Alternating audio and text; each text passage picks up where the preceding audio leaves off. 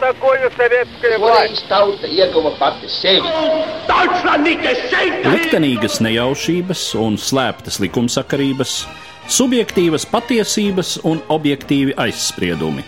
Pēc atkušņa nekad nenāk uzreiz pavasars, bet sākās Arī šodien cilvēki ir ļoti tūredzīgi. Viņi redz to naudu, kas ir. Televīzijā jau pamatā notiek cīņa par varu.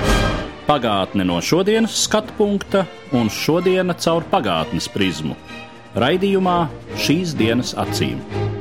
Katru svētdienu Latvijas radio ēterā Eduards Liniņš. Labdien, cienījamie klausītāji! Mūsu totalitārā pagātne. Cik lielā mērā tā joprojām ietekmē mūsu šodienu, kā mūsu sabiedrība tiek vai gluži otrādi netiek galā ar savu totalitārās pagātnes mantojumu. Uz šiem jautājumiem mēģināja rast atbildi Latvijas okupācijas muzejs, rīkojot semināru Pagātne, tagadne, mēs. Šodien piedāvāju jūsu uzmanībai fragmentus no diviem seminārā izskanējušajiem priekšlasījumiem.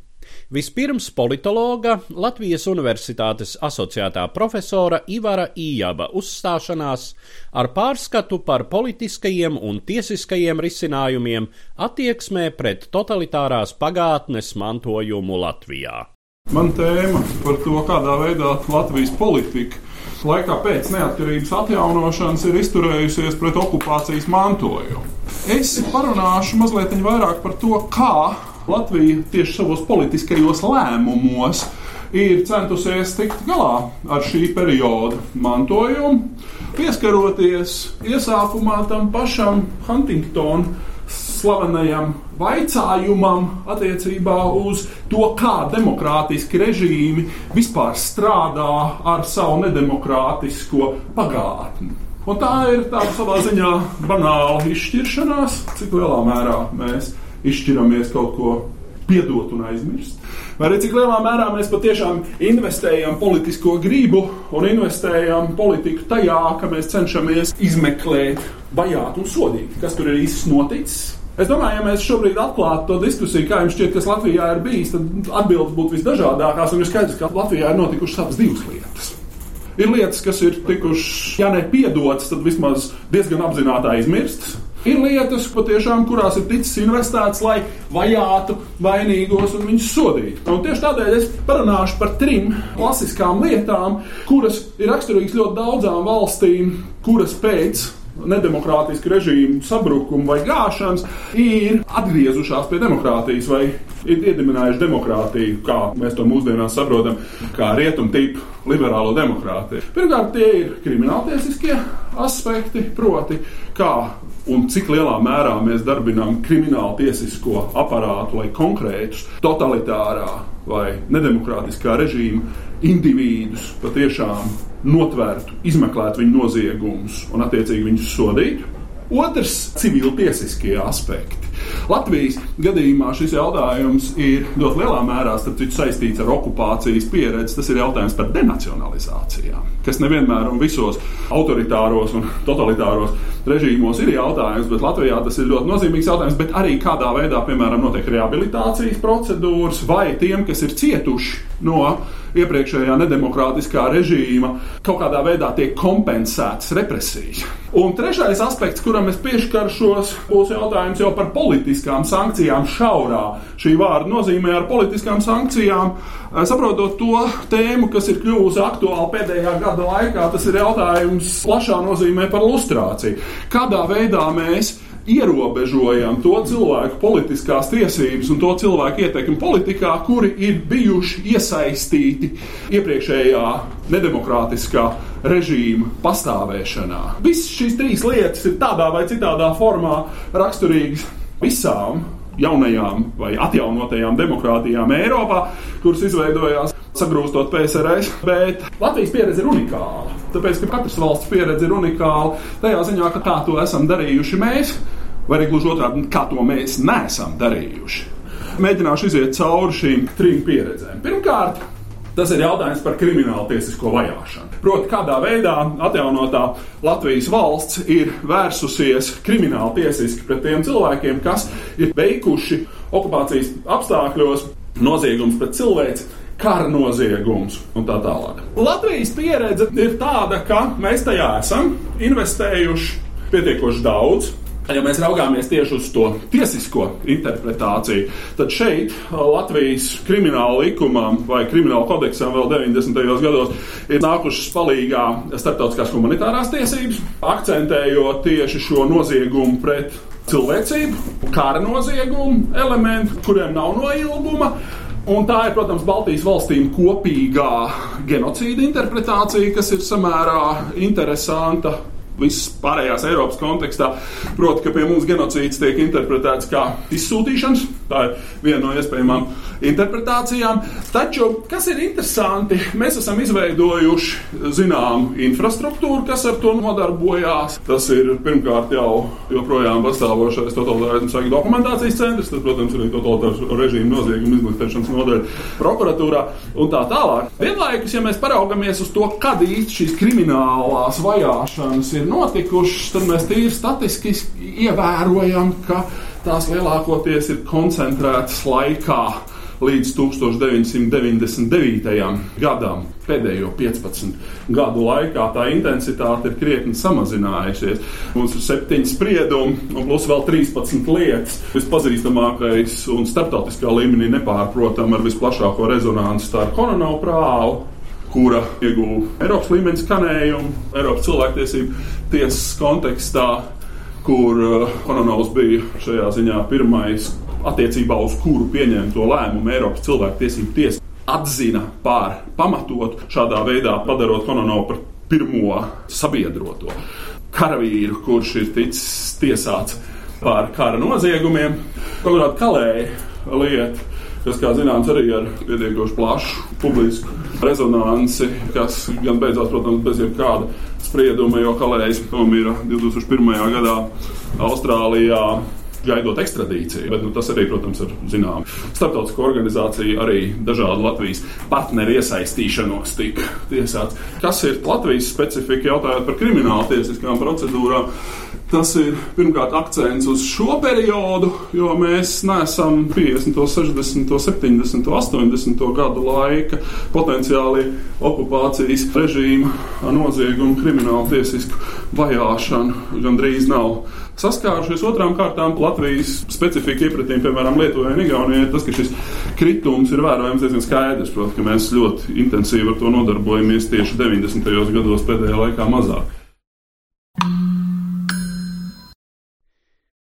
Rehabilitācijas tēmas tiek sākt cilāt jau padomju režīmu pēdējos gados.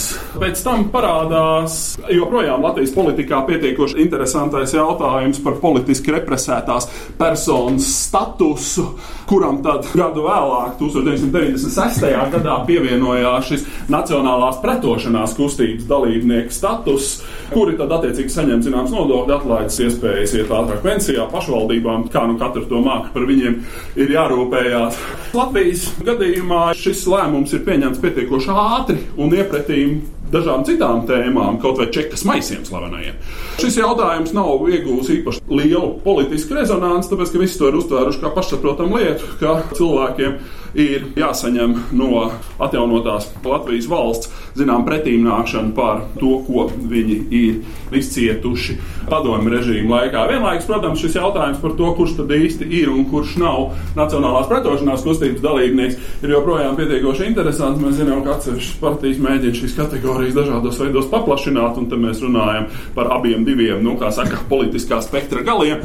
Viena ir tie, kuriem gribās šo pretošanās kustības dalībnieku statusu attiecināt arī, piemēram, uz leģionu. Protams, ir tie, kuriem gribās padarīt par šīs status cienīgiem arī antihitleriskās koalīcijas darbiniekiem, saprotot ar to, protams, saka no armijas un tā tālāk. Kas attiecās uz piemiņas dienām. Piemiņas dienas mums ir veselas deviņas, Igauniem ir mazliet mazāk, Lietuviešiem ir pat šķiet mazliet vairāk. Tā ir, protams, tēma, kas ir pēdējā laikā iegūst zinām rezonanci Latvijā, pateicoties šai Olsenas lietai par karogu izkāršanu. No satversmes tiesas puses tika pieņemts tāds ļoti, ja vēlties, līdzsvarots vai savā ziņā neitrāls lēmums, kas saka, ka principā kaut kam tādam tam ir jābūt, bet obligāti prasīt to nevar. Bet piemiņas dienas mums ir salīdzinoši daudz. Tas, kas mums nav, piemēram, atšķirībā no Igauniem, ir tas, ka mēs runājam par šīm represētajām kategorijām kā par grupām un par cilvēku slāņiem, mazāk uzmanības pievēršot konkrētam cilvēkam. Te pozitīvs piemērs, kā to varētu darīt ir Igaunijas pieredze, kur Igaunijas gadījumā mēs zinām, ka Merija laikā tika šis salauztās ruduspuķis akcija īstenot, kuras ietvaros valsts prezidents apbraukāja visus valsts reģionus ar šo krūšu nozīmi un paspieda roku katram, kurš no Igaunijas šī brīža iedzīvotājiem ir cietis no totalitārā režīma represijām. Mēs esam bijuši ļoti, ļoti apjomīgi. Mēs esam patiešām atdevuši atpakaļ ļoti daudzas lietas, iepratīm mūsu abām divām kaimiņu valstīm uz šiem denacionalizētajiem nama īpašumiem ir bijušas iespējas viņus atgūt agrākiem īpašniekiem, tiesiem mantiniekiem, juridiskām personām beigu beigās arī vēl visai šai kategorijai ar šiem visiem radiniekiem civilu likumu izpratnē.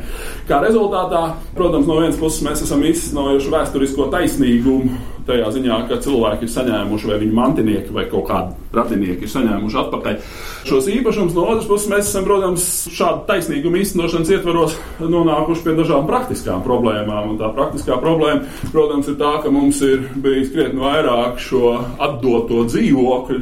Rīgas centrā, cik es saprotu, 56% no dzīvojamā fonda ir tikuši atdot iepriekšējiem īpašniekiem vai viņu mantiniekiem. Kā rezultātā mēs arī panācām situāciju, kur kaut kādā ziņā līdz šim brīdim nav beigusies ar vecajiem līgumiem, kas ir spēkā, un visi šie piespiedu īres stāsti un tā tālāk. Citiem vārdiem sakot, mēs varam izvērtēt šīs politikas pareizās vai nepareizās puses, bet tā, protams, ir viena no Latvijas īpatnībām, jo attiecībā uz dzīvojamo fondu neviens tādos apjomos to darīt netika. Čekas maisa stāsts pats par sevi ir tik garš, ka es viņu šeit, tīri laika trūkuma dēļ, nevaru izstāstīt kaut kādās detaļās. Bet ir pavisam skaidrs tas, ka sākotnēji pēc neatkarības atjaunošanas de facto 1991. gadā bija ļoti, ļoti liela enerģija. Protams, tas, ka mums ir nepieciešams tīrīt visus iepriekšējos, ne tikai štata darbiniekus, bet arī visus aģentus, informatorus, identificēt un kaut kā izslēgt viņus no tālākās politiskās spēles, demokrātiskās Latvijas ietvaros.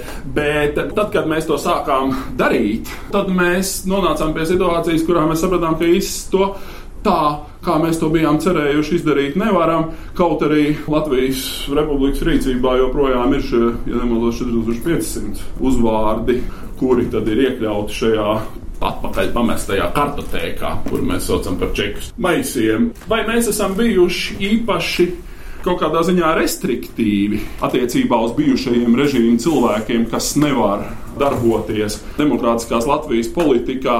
Es teiktu, ka mēs esam bijuši mēreni liberāli. Tajā ziņā, ka mums ir kategorijas cilvēku, kas nevar piedalīties. Proti, tie ir štata darbinieki, attiecīgi KGB, un tas nu, izsakot to likuma formulējumu, jūs stādaties priekšā. Un, protams, arī tie, kas, tā kā Ždanoks kundze, ir pēc 91. gada darbojušies vai nu tajā kompartijas pārpalikušajā daļā, vai arī dzen, pro maskaviskajās organizācijās attiecībā uz aģentiem, kurus uh, visi cerēja ķert un cer ķert joprojām. Tur mēs joprojām likuma līmenī esam samierinājušies ar šo formulējumu, ka varētu būt sadarbojušies, kas ir jāuzrāda. Bet kā to apliecina slavenā čekas piecīšu epopeja 93. gada nogalē, tad patiesībā uz tā pamata izdarīt kaut kādus juridiski saistošus spriedumus ir ārkārtīgi grūti. Eiropas cilvēktiesība praksa ir bijusi diezgan dažāda. Mēs zinām, ka Jāņa Adamsona lieta tika izspriesta Adamsonam par labu.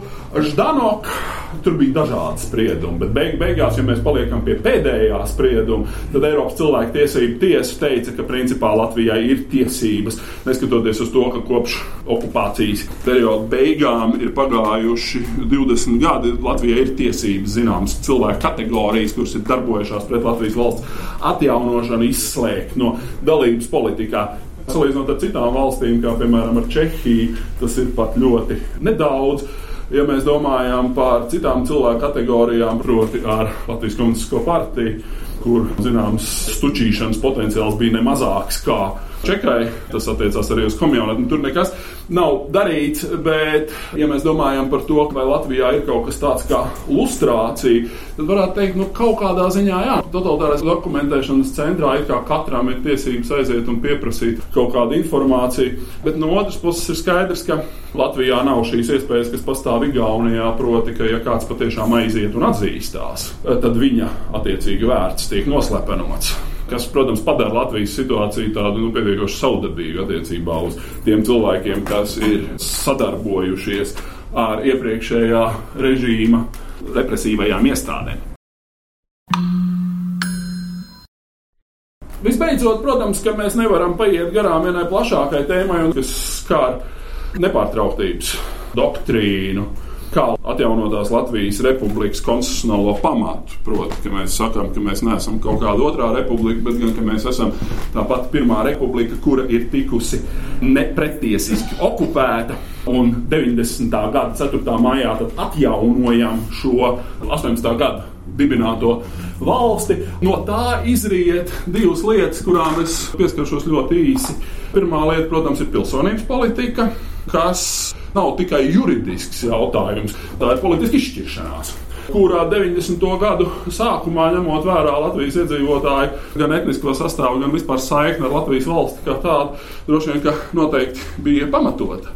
Cits jautājums ir, protams, vai to nepilsoņu stāstu tādā veidā, kā viņš nonāca līdz šodienai, mēs varam uzskatīt par kaut kādā ziņā atrisinātu un veiksmīgu. Un tad, protams, viens no jautājumiem, kas parādās literatūrā, kas raksta par šo transitional justice, proti, par to pārējais periodu taisnīgumu tēmu, ir jautājums, vai, piemēram, pilsonības politika arī tiek uzskatīta par transitional justice, vai iespējams, pat es nesaku, ka tas tā ir, bet hipotētiski, lustrācijas instruments. Proti, ka mēs vienkārši nevis tur pa vienam ņemam ārā kaut kādus individus, bet pasakām, no šie te padomju laika imigranti, kas te ir iebraukuši, ir lustrējami, vai ne? Mēs viņus noliekam kādu brīdi, kā saka, ārā ārpus demokrātiskās Latvijas politikas. Un visbeidzot, protams, mēs nevaram aizmirst to, ka Latvijas iekšpolitika tieši okupācijas jautājumā ir bijusi vistiešākā mērā saistīta ar ārpolitiku un ar globālo kontekstu un Eiropas kontekstu, kas joprojām ir ļoti lielā mērā šis stāsts,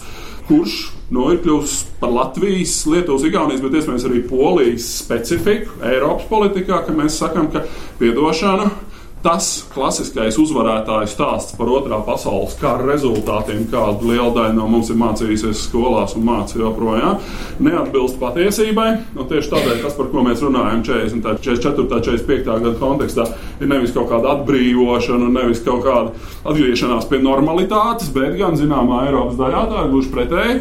Otra, atsevišķās izpausmēs pat krietni represīvāk, atsevišķās atkal nu, mazāk represīva, bet vienalga, jebkurā gadījumā totalitāra režīma iestāšanās. Nu, šī tēma, protams, ir viens no lielākajiem klupšanas akmeņiem un viens no vislielākajiem piedalības akmeņiem Latvijas un pārējo Baltijas valstu attiecībās ar Krievijas federāciju, ir bijusi tā un arī būs tā, ka uz šo jautājumu par to, piemēram, kas ir noticis 39. gadā, netik daudz par to, vai mēs lietojam vārdu okupācija. Tas ir arī kļuvis par tādu savā ziņā politisku fetišu. Es atļaušos apgalvot, pietiek izrunāt vārdu okupācija, un tur kļūst par labo. Bet emocionāls attieksmes ziņā Proti, kas tas bija un vai tā bija iespējams darīt, un vai tas bija kaut kā attaisnojams. Tā, protams, ir viena ļoti nozīmīga tēma, un šīs eh, lietas mēs iztirzājam un droši vien arī turpināsim iztirzāt gan Latvijas iekšienē, kur runāt par kaut kādu vienotu priekšstatu par 20. gadsimtu vēsturi ir ļoti grūti. Gan arī, protams, dažādos starptautiskos fórumos, kuros Krievijas federācija ir bijusi, maigi izsakoties, ļoti draudzīga attiecībā pret Baltijas valstīm. Tā skaitā arī manas jau pieminētās konono prāvas kontekstā attiecībā uz 16. marta FNSS leģionāru gājienu, tikpat labi attiecībā uz 9. maiju un tā tālāk, un tā attiecībā uz nepilsoņiem. Tā ka šajā ziņā tā iekšpolitika okupācijas seku jautājumā ļoti, ļoti lielā mērā ir vienkārši ārpolitikas turpinājums. Un nu fragmenti no vēsturnieka Latvijas Universitātes docenta Mārtiņa Mintaura priekšlasījuma par vēsturiskajām piemiņas vietām un to uztveri sabiedrībā.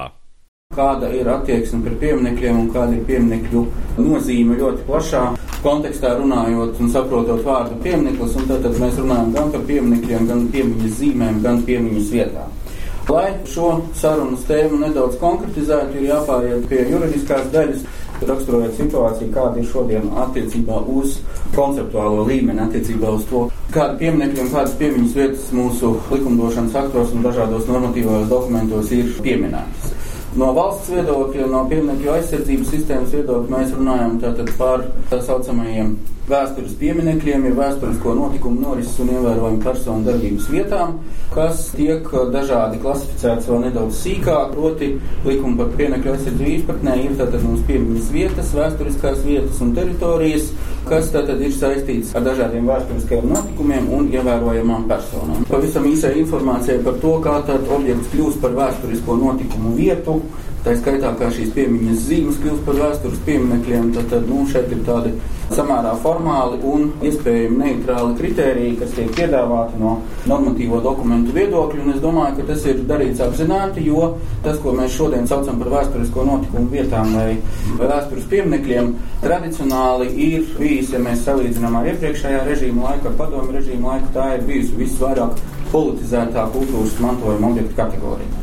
Jo vēstures pieminekļi, kas atradās valsts aizsardzībā padomju režīma laikā, tie lielākoties ietvēra gan ar vēsturiskajām personām, gan ar notikumiem saistītās vietas, kas bija pieņemamas tā laika politiskajai ideoloģijai un tā laika politiskajam režīmam. Līdz ar to, noslēdzot šo juridisko ievadu, varētu teikt, ka Latvijas valsts ir mēģinājusi pēc iespējas izvairīties no tā, lai šī vēstures pieminiektu kategorija tiktu kaut kādā veidā politizēta, un tāpēc ir mēģinājums šo jautājumu atrisināt, piedāvājot iespējami vispārīgas un tajā pašā laikā pietiekami amorfas definīcijas par to, kas ir vēsturisko notikumu vietas. Tālāk pārējot jau pie situācijas raksturojuma, pārbaudot to pieminiektu sarakstu, kāds ir pieejams elektroniskajā formātā pašreiz pieminiektu aizsardzības inspekcijas mājaslapā, mēs varam konstatēt, ka skaitot kopā abas kategorijas valsts un vietējās nozīmes vēstures pieminekļi, mums tādu valstī ir 137, kas ir ieguvuši šo statusu tātad laikā no 98. gada beigām līdz pat 2014. gada beigām statistiski tā ir, protams, otrā mazākā aizsargājuma objektu grupa, kas pēc pašas inspekcijas datiem sastāv apmēram pusotru procentu no visiem valstī aizsargājumiem pieminekļiem no šo pieminekļu kopskaita. Un mazāka grupa par šo ir vēl tikai industriālā mantojuma objekti. Mēs varētu iedalīt uh, tos uh, vēstures pieminekļus, kas attiecas tieši uz šī priekšlasījuma vai prezentācijas tēmu, nosacīti divās grupās, kas ir tīri mana subjektīva interpretācija, ko es varu piedāvāt šī pasākuma ietvaros. Tātad pirmā nosacītā grupa ir tās piemiņas vietas, kas ir saistītas ar vienu vai otru okupācijas periodu notikumiem Latvijas teritorijā un kas uh, galvenokārt ir izveidotas kopš 80. gadu beigām. Vairums no šīm vietām, kas attiecas uz nosacīto pirmo grupu, kas saistītas tieši ar tiem notikumiem Latvijas teritorijā no 40. līdz 90. gadu sākumam. Vairums no šīm piemiņas vietām pagaidām nav iekļauts valsts aizsargājuma un kultūras piemiņu sarakstā. Tam ir dažādi iemesli. Pēc tam, izmantojot tos datus, kas ir Latvijas okupācijas muzeja mājaslapā pieejami un kas nosacīti tātad pieņemami 2012. gadā apkopoti, ir pavisam izveidot 311 komunistiskā terora upuru nacionālo partizānu piemiņas vietas Latvijas teritorijā šodien. Bet lielākā daļa no tām nav pagaidām aizsargājuma piemiņu sarakstā. Te ir daži piemēri par šīm piemiņas vietām, kas tiek izveidotas sākot ar 80. gadu beigām. Viena no pirmajām chronoloģiski sanākajām, kur man izdevās atrast, tad, tad ir piemiņas zīme pie Vārmes baznīcas biržē, kas tiek stādīts 42. gadā nacistu okupācijas laikā ar domu pieminēt 41. Eh, gada deportāciju upurus. Un tad šeit 88. gadā tiek novietota piemiņas zīme ar šādu uzrakstu, un ir atsevišķi stāsts par to, kas ar šo piemiņas vietu ir noticis padomu režīmu laikā koki nocirsti netika. Vēl viens piemērs relatīvi nesen uzstādīja piemiņu zīme kuriliešu darbībai skrīveros, kas arī atbilst šādam ar, ar vēsturisko notikumu un vēsturiskām personām saistītu objektu kategorijai. Arī piemiņas vieta nodedzinātās Rīgas galvenās sinagogas vietā, kuru sāk veidot 89. gadā. Un vēl viens objekts, ko es pievienoju, kas ir arī relatīvi nesen 2004. gadā, atklāts otrā pasaules karā kritušo valstu karavīru kapī Daugopilī, kas arī ir piemiņas vieta un piemiņas zīme šo vietu saistīta. Tālāk nosacītā otrā grupa pieminiektu iedalījumā ir tās piemiņas vietas, kas ir ierīkotas padomju okupācijas laikā, arī jau minētā Salaspils un Aldriņa bet ne tikai, un kas šodien joprojām tiek uzskatīts par nozīmīgu Latvijas kultūras vēstures sastāvdaļu, tas pats Salaspils memoriāls ir kultūras kanona objekts, bet mūsdienās tiek vērtēts pretrunīgi. Un kāpēc tiek vērtēts pretrunīgi? Te es varu atsaukties uz uh, vienu no Sergeja Kruka publikācijām par šo tēmu, kur viņš konstatēja, ka padomu laikā uzstādīto piemiņas zīmju mērķis bija pārrakstīt sabiedrības atmiņu. Es domāju, ka tas ir samērā precīzs apzīmējums tam, kādu funkciju veids piemiņas zīmes publiskajā telpā, jebkura režīma apstākļa. Tad ir vairāki jautājumi, ko darīt ar šo padomu laikā izveidoto piemiņas zīmju statusu. Ne tikai emocionālās attieksmes līmenī, bet ar dziļāku kultūru vēsturisko piesaisti. Kāda ir sabiedrības attieksme pret šīm padomu laikā izveidotām piemiņas vietām? Kā loģisks jautājums, uz kuru atbildes man nav, tāpēc, ka šis jautājums nekad nav socioloģiski pētīts. Es domāju, ka tā būs tēma, kas varētu piesaistīt pētnieku uzmanību. Un mūsdienu Latvijas sabiedrības attieksme pret šīm padomu laikā izveidotājiem piemiņas zīmēm varētu būt interesants indikators attieksmē pret padomju laiku, pret padomju okupācijas režīmu vispār. Pozitīvu, negatīvu vai nekādu. Skaidrs, ka būs ļoti dažāda attieksme pret Salaspilsnes memoriālu un pret uzvaras pieminiektu Rīgā, kas ir padomu laikā izveidotas piemiņas zīmes, un kuras mēs varam minēt tā uzreiz uz vietas iedomājieties, kā tāds pietiekami polarizējošs objekts sabiedrības apziņas. Un uh, pārējot jau pie vēlākas tematikas, kāds ir šo piemiņas vietu potenciāls 20. gadsimta vēstures mācīšanā, apgūšanā, runājot par Latvijas vēsturi, jo es domāju, ka tas vēl samērā maz tiek izmantots. Jautājums ir par to, cik lielā mērā šīs piemiņas zīmes, kuru skaits ir pietiekami liels Latvijas teritorijā, bet kā šīs piemiņas zīmes veido šo vēstures stāstu pašu par sevi, ejot cauri šīm piemiņas vietām, kas mums Latvijas teritorijā ir saglabājušās. Daži objekti, kuri arī varētu piesaistīt sabiedrības un pētnieku uzmanību, kā padomu laikā uzstādītas piemiņas zīmes kas joprojām publiskajā telpā eksistē. Un kas ir vēl atsevišķa tēma, tie ne tik daudz no politiskā viedokļa, bet arī no mākslas vēstures viedokļa. Memoriāli ansambļi, kas ir veidoti padomu laikā, te mēs redzam konkrētā gadījumā 85. gadā atklāto memoriālo kompleksu Valmierā, kas, sekojot tālāk padomu tradīcijai, ne tikai veidoja masveida piemiņas vietas, koncentrējot šos otrā pasaules karā kritušos padomju armijas karavīrus vienā vietā, parasti rajona centrā vai kādā lielākā pilsētā. Bet dažkārt, un tā tas šķiet arī Valmieras gadījumā izdarīts, tad apvienoja kritušo militāru personu apbedījumus ar nacistu baldīšanas laikā noslapkoto civiliedzīvotāju piemiņas zīmēm. Tā. Viens objekts, ko gribu vēlreiz pievērst tam uzmanību, tad, tad ir pieminiektu stupuma atbrīvotājiem, tas ir oficiālais nosaukums.